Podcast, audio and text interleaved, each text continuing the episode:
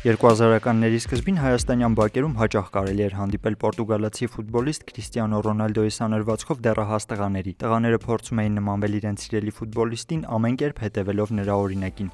Այսօր Ռոնալդոն աշխարհի ամենահայտնի ինֆլուենսերներից մեկն է եւ ամենաշատ հետևորդ ունեցող մարդն Instagram-ում։ Միայն այս սոցիալական ցանցում նրան 219 միլիոն մարդ է հետևում։ Առ այսօր էլ շատերը փորձում են կրկնօրինակել նրան, կրել այն հագուստը, որ տեսել են նրա հագին, գնել ապրանքներ, որոնք սպառում կամ գովազդում է ֆուտբոլիստը։ Ռոնալդոյի պես շատ հեղինակավոր կամ հայտնի մարդկանց կարծիքը կարող է ազդեցիկ լինել նրանց լսարանի համար։ Ազդեցության այս աստիճանն իհարկե նաև առիթ է գովազդելու ապրանքներ եւ այս հնարավորությունից սոցցանցերում բազմաթիվ հայտնի մարդիկ են օգտվում իրենց հեղինակությունն օգտագործելով որևէ ապրանք կամ գաղափար ավելի հայտնի դարձնելու համար։ Էնցիկլոմեդիայի այս էպիզոդում պատմում ենք թե ովքեր են ինֆլուենսերները, ինչպես են նրանք ազդում իրենց լսարանի վրա, արդյոք դա անում են հանուն գումարի թե ոչ միայն եւ ինչպես գրագետ սպառել նրանց ստեղծած բովանդակությունը։ Ձեզ հետ Արեն Մելիքյանն է։ Էնցիկլոմեդիա՝ մեդիագրագիտության հանրագիտարան երեխաների եւ ծնողների համար։ Ինֆլուենսեր բառն անգլերենից թարգմանաբար նշանակում է ազդեցություն գործող։ Նրանք մարդիկ են, որոնք ունեն հեղինակության որոշակի շրջանակ, ձևավորում են հանրային կարծիք կամ կարող են փոխել արդեն գոյություն ունեցողը։ Ինֆլուենսերների դերը սոցիալական ցանցերում մարքեթինգի տեսանկյունից այս պահին առավել մեծ է, քան երբևէ։ Մարդիկ դադարում են հավատալ ուղիղ գովազդային կրիչներին եւ նախընտրում են լսել իրենց համար հեղինակության կարծիքը, ասում է նորաձևության մարքեթինգի մասնագետ Աննա Սալոմեն։ Նա նաեւ Markarian Business Group ընկերության PR մենեջերն է եւ անձամբ հաճախ է տեղեկատվության տարածման այս միջոցի օգնությանը դիմում որևէ ծառայություն ավելի հայտնի դարձնելու նպատակով։ Այս մեթոդի առանձնահատկությունն է հենց ձևավորել վստահություն կարծիք։ Այսինքն հայտնի ու ճանաչված սիրված մեկը կիսվում է տվյալ ապրանքի հիմնական առանձնահատկությունների մասին եւ խորհուրդ տալիս հետեւել իր օրինակին մեծ հաշվով դու այդ ժամանակ վաճառում ես փորձը հայտնի ու ճանաչված մարդու ձեռք բերած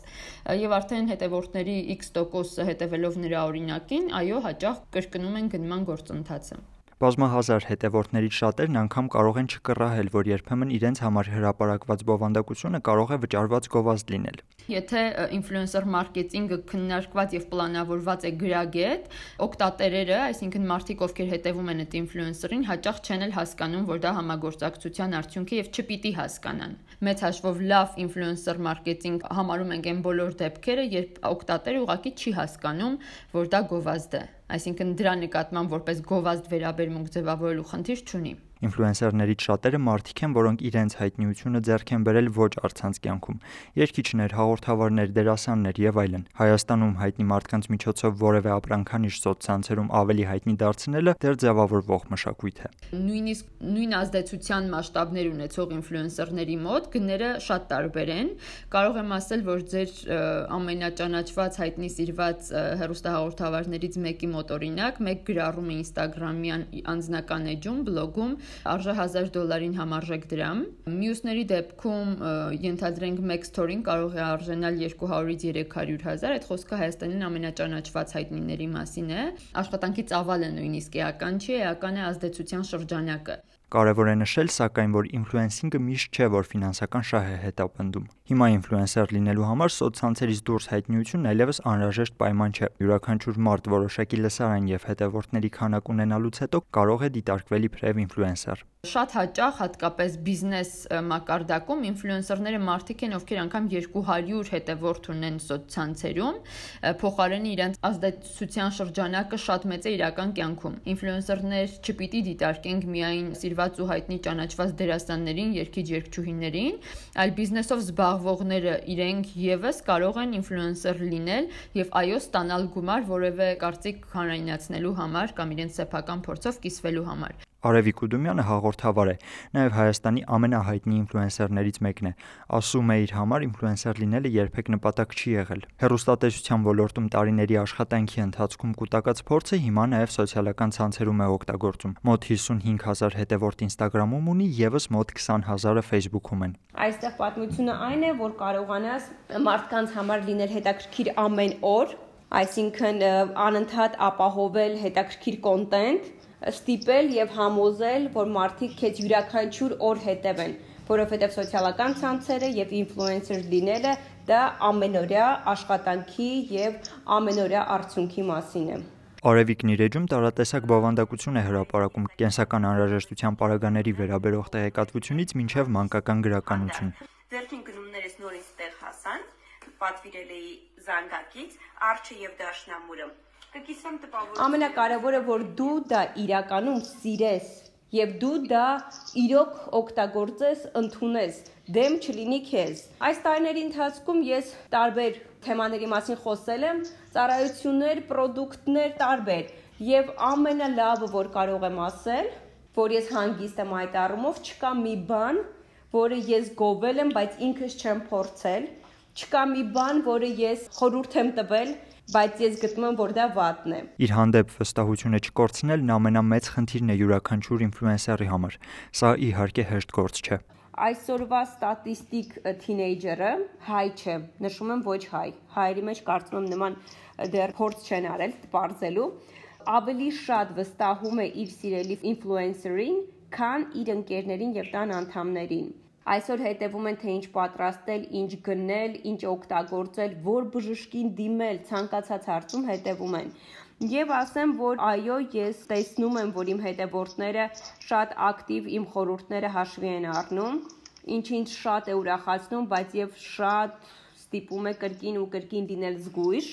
Սովորաբար ինֆլուենսերներն առանձնահատուկ ուշադրություն են դարձնում հետևորդների հետ անմիջական կապի պահպանմանը։ Ինֆլուենսերների համար կարևոր է ամեն մի նոր հետևորդը, եւ ոմանք շատ հետևողական են որևէ մեկի ուշադրությունը չկորցնելու հարցում։ Հարցեր լինում են անհավանական տարբեր։ Ամենա սկսած նրանից, չգիտեմ, պատշգամբում դնեմ ծաղիկներ թե չէ, վերջացրած առողջական խնդիրներից վերջացրած վերանորոգման խնդիրներից, այսինքն թեմաներ, որոնց ես երբեք չեմ էլ անդրադարձել միգուցե։ Միգուցե տվյալ պահին այդ մարդը հարմար մարդ չի ունեցել ումից հարցնի, մտածում է ես ինչ որ բան ավել միգուցե այդ ոլորտից իմանամ, Եվ ես բոլորին փորձում եմ նույնիսկ այն ոլորտները, որոնք իմ հետ կապ չունեն, եթե ինչ որ բանով կարող եմ օգնել, օգտակար լինել, լինել օգտակար, Արուսիկ Մկրչյանն էլ որոշել է օգտակար լինել սոցցանցերում առողջ ապրելակերպին վերաբերող հարցեր բարձրաձայնելով։ Արուսիկը եղիր տեղեկացված հասարակական կազմակերպության նախագահն է, շատերին հայտնի է որպես DJ վակցինա։ Ավելի ակտիվ Facebook-ում է։ Գրում է հիմնականում առողջապահության առնչվող թեմաների մասին։ Այստեղ մոտ 19000 հետևորդ ունի, եւս 15000-ը Instagram-ում են ծխախոտի դեմ պայքարը իմ համար գաղափարային պարկ պայքարը ավելի շատ գաղափարական եւ իմ համար 2009 թվականից ես ընտրել եմ այդ ուղությունը եւ իմ համար կարեւոր է զուտ ազդեցությունը եւ արդյունքը, հա, ոչ թե ինչ որ եկամուտ է այս դեպքում, այսինքն սա զուտ էնտուզիազմի վրա է իրականում։ Օֆլայն կյանքում հայտնիությունը նրան եւս օգնում է սոցցանցերում։ Հիմնականում հասարակական կարևորության թեմաների անդրադառնալով հազվադեպ կարող է նաեւ իր հարթակն օգտագործել կոմերցիոն նպատակներով։ Երևի թե տարվա մեջ մաքսիմում մի 5-ից 7 ինչ որ տարբեր ապրանքներ կամ ծառայություններ կարող է գովազդեմ իդեպ էլի շատ խիստ որ վերաբերվում եմ ընտրությանը ինձ շատ-շատ են դիմում, սակայն ես ամեն ինչ չի որ բնականակը գովազդեմ, այսինքն դա պետքա լինի նախ եւ առաջ իմ ընդհանուր ներկայացրած ինֆորմացիայի մեջ, ասած ասած օրգանիկ, հա, այլ չպետք է ինչ որ դուրս գա, այսինքն չեմ կարող օրինակ ինչ որ անառողջ օրինակ սնունդ գովազդեմ այդ ամբողջ բաների մեջ կամ չեմ կարող գովազդել, չգիտեմ, շատ-շատ ապրանքներ եւ ծառայություններ կան, որ ես մերժել եմ, հա ինչպես ցանկացած բովանդակության ինֆլուենսերների հրապարակումներին էլ պետք է քննադատորեն մոտենալ։ Կարևոր է նաև մի քիչ ավելի շատ խորանալ այդ ծառայության կամ ապրանքի հատկանիշների մեջ եւ ոչ թե ուղակի, այսպես ասած, կուրորեն հետևել ինֆլուենսերի խորհրդին, որովհետեւ այնուամենայնիվ դա կարող է պարզապես լինել զուտ գովաստ։ Սոցիալական ցանցերի դերի մեծացմանը զուգընթաց մարքեթինգային ծառայությունները գովազդի այս տեսակը նախընտրում են ավանդական տարբերակին։ Հետևաբար մեծանում է նաև ինֆլուենսեր մարքեթինգի պահանջվածությունը։ Մեծ լսարան ունեցող ցանկացած օգտատեր կարող է հասարակական կարծիքի ձևավորման միջոց դառնալ։ Հենց այդ լսարանի խնդիրն է նաև նրանց տրամադրած ինֆորմացիայի գրագետ սպառումը։ Որքան էլ հեղինակավոր մարդու կողմից է այն հնչել, կարևոր է բազմակողմանի դիտարկել տեղեկատվությունը եւ վերլուծել այն։ Էնցիկլոմեդիայի արխիվում կարող եք գտնել նաև մեր էպիզոդը գովազդ հավելվածների մասին։ Մեզ կարելի է գտնել Media.am կայքում, մենք նաև ձեր ոդքասթ հավելվածներում ենք եւ հանրային ռադիոյի Արևիկ մանկապատանեկանի եթերում։ Այս էպիզոդում այսքանն էր։ Այն ձեզ համար ձայնագրեց Արեն Մելիքյանը։ Առայժմ